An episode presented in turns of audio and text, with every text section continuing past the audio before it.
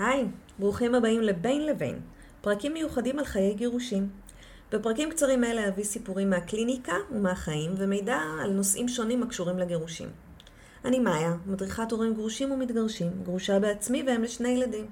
אני נושמת וחיה את עולם הגרושים כבר למעלה מעשר שנים. הפודקאסט הזה מביא את הקול של הגרושים, את העולם שלהם, על כל המורכבויות והיתרונות.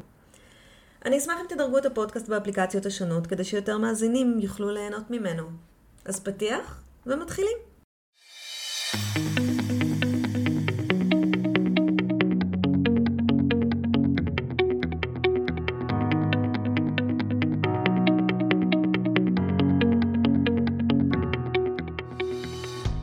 היי, ברוכים הבאים לבין לבין, פרקים קצרים בנושא הורות וגירושים.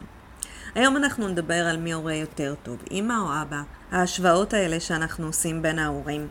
עושים אותם עוד בנישואים, זה לא רק בגירושים, רק בגירושים זה מתגבר. כמו שאמרתי כבר בנישואים שלנו, אה, יש שילוב של שני אנשים שהגיעו משתי משפחות שונות. כל אחד למד איך להיות הורה ומה הדרך הנכונה לחנך בילדים, לפי המשפחה שהוא בא ממנה. אז יש משפחה שבה צעקות ועונשים הביאו לתוצאה שההורים רצו בה, ויש משפחות שבהן אה, יש התבטלות מול רצון הילדים. יש משפחה מחבקת יותר, יש פחות, בחלק מהבתים אה, יש ארוחת שישי וחייבים להיות בה, בחלק ממש לא. כל אחד הגיע מהמקום שלו, מהמסורות שלו ומאיך שהוא התחנך. אה, האמונות שלנו שונות, ההרגלים שלנו שונים, ובתוך כל זה יש אנשים שהסתכלו על ההורים שלהם.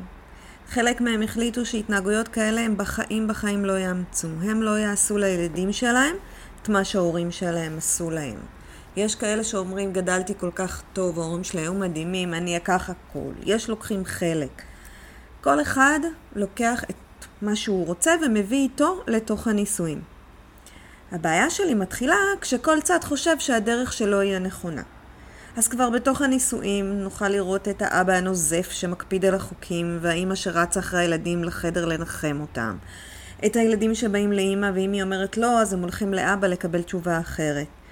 עכשיו בנישואים יש לנו אינטרס ורצון לשתף פעולה אחד עם השני, אנחנו רוצים שזה יצליח, אז פה יש לנו אינטרס לשבת ולדבר, אנחנו גם אוהבים את בן הזוג השני ואנחנו רוצים להגיע להסכמות. בגירושים האינטרס הזה נעלם. אם אני חושבת שמה שאני עושה הוא נכון ואין שום דרך אחרת, רק מה שאני עושה פועל לטובת הילדים, ובן הזוג חושב שמה שהוא עושה זה הכי נכון ואין שום דרך אחרת, ואנחנו גרושים, אז אין פה איזשהו רצון לשלום בית. כאן כל אחד יתבצר בעמדה שלו, וזה יכול לגרום לקרע מאוד מאוד גדול. לפעמים המלחמה הזאת או ההגדרות האלה מתחילים כבר בתוך הנישואים, וזה מה שקרה לנון שהגיע אליי לקליניקה. כבר כשהוא היה נשוי, אשתו דאגה להסביר לו שהוא אבא לא טוב, בעיקר כי סגנון ההורות שלו לא היה זהה לסגנון הכוחני שלה. אצלה לא היה ויכוחים ולא היו הקלות. יש דברים שצריך לעשות ואין עליהם ויכוחים. צריך ללכת לבית ספר, ושבר ביד או כאבים הם לא סיבה מספיק טובה לוותר. הולכים לישון בשעה קבועה מראש, נשמעים לחוקי הבית ולא מתווכחים. אין הקלות. מי שלא מקבל את החוקים נענש. העונשים כמובן הלכו והחמירו. נון לא היה כזה, הוא הכיר דברים אחרים. ולכן לא הייתה לו סמכות בבית. אשתו פשוט ביטלה אותו. היא לא הקשיבה לדעות שלו, והוא ויתר. הוא השאיר לה את החינוך, הוא הגיע מאוחר הביתה, ולא היה מעורב בחינוך הילדים. הוא עשה רק השכבות ומשחקים. היא חשבה שהוא רך מדי, היא לא העריכה אותו, ולאט לאט הוא התחיל לחשוב כמוה. כשהם התגרשו, היא כמובן נשארה בבית שלה, עם שיטת החינוך שלה, ובבית שלו הוא הרגיש די אבוד. הוא הרגיש שלא מקשיבים לו, שיש הרבה מריבות בין הילדים, שהם לא תמיד מכינים שיעורים, שהם לא תמיד זוכרים את המטלות שלהם, ובכלל, אצלו הוא הרגיש שיותר קשה. אצלה הם עומדים דום, מה שהיא תגיד הם יעשו, הוא אמר לי.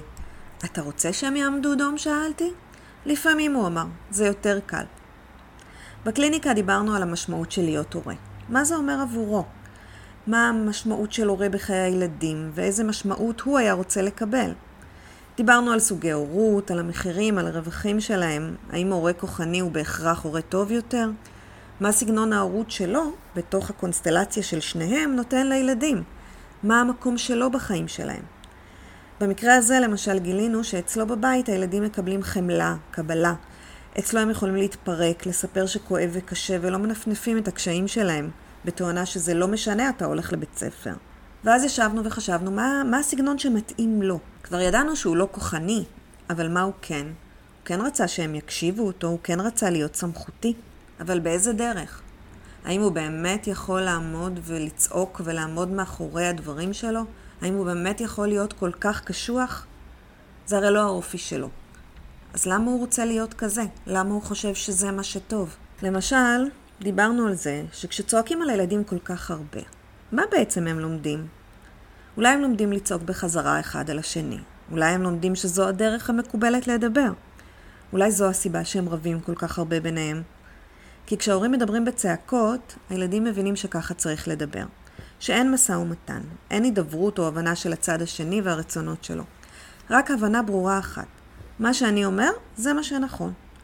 ולכן, אני אצעק את זה, ואני בכלל לא אקשיב לצד השני.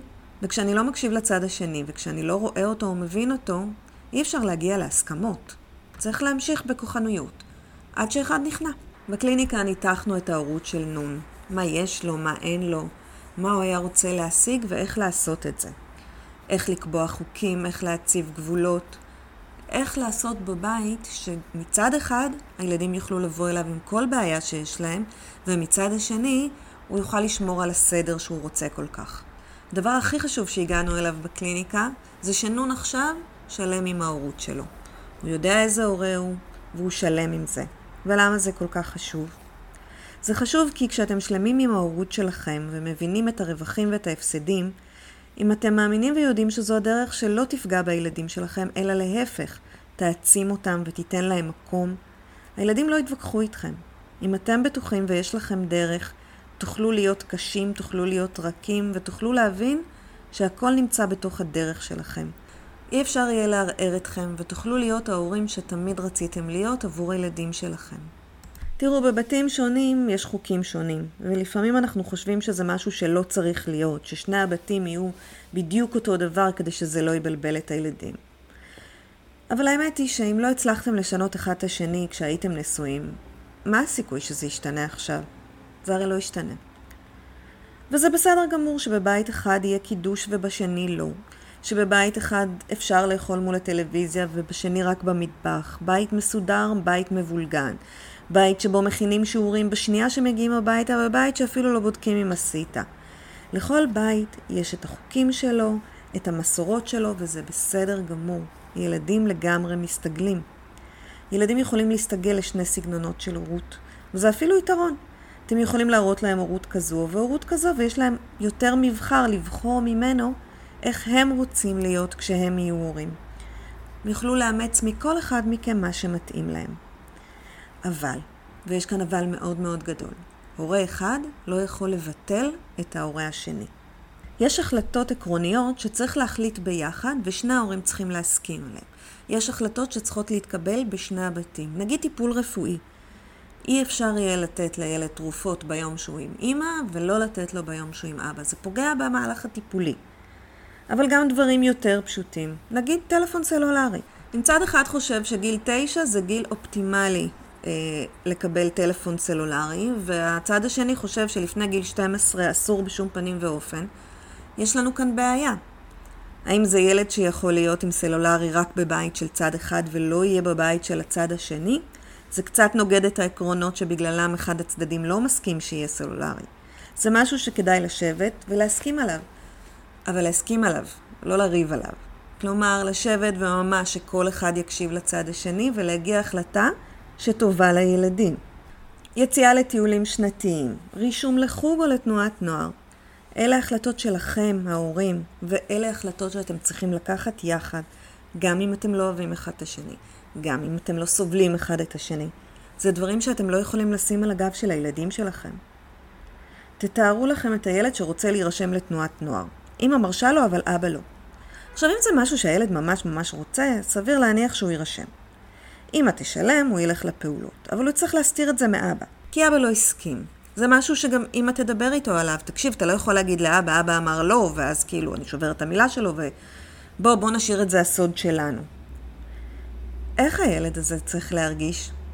אוקיי, הוא מגיע לפעולות, הוא הולך, כיף, אבל הוא עושה את הכל בסוד. ומה יקרה כשיהיה איזשהו טיול או איזשהו מחנה, וזה ייפול על הימים של אבא? או מה יקרה אם סתם הוא יפגוש את אבא במקרה ברחוב והוא יהיה במדים של התנועה? זה ילד שמסתובב עם פחד תמידי, רק שאבא לא יגלה, כי אבא ייקח לו את זה והוא כל כך רוצה את זה. זה גם ילד שלומד שלהסתיר זה בסדר, שלשמור סוד זו דרך מקובלת לחיים. ומה יקרה בהמשך? איזה סודות הוא עוד ישמור? מה הוא לא יגיד לנו?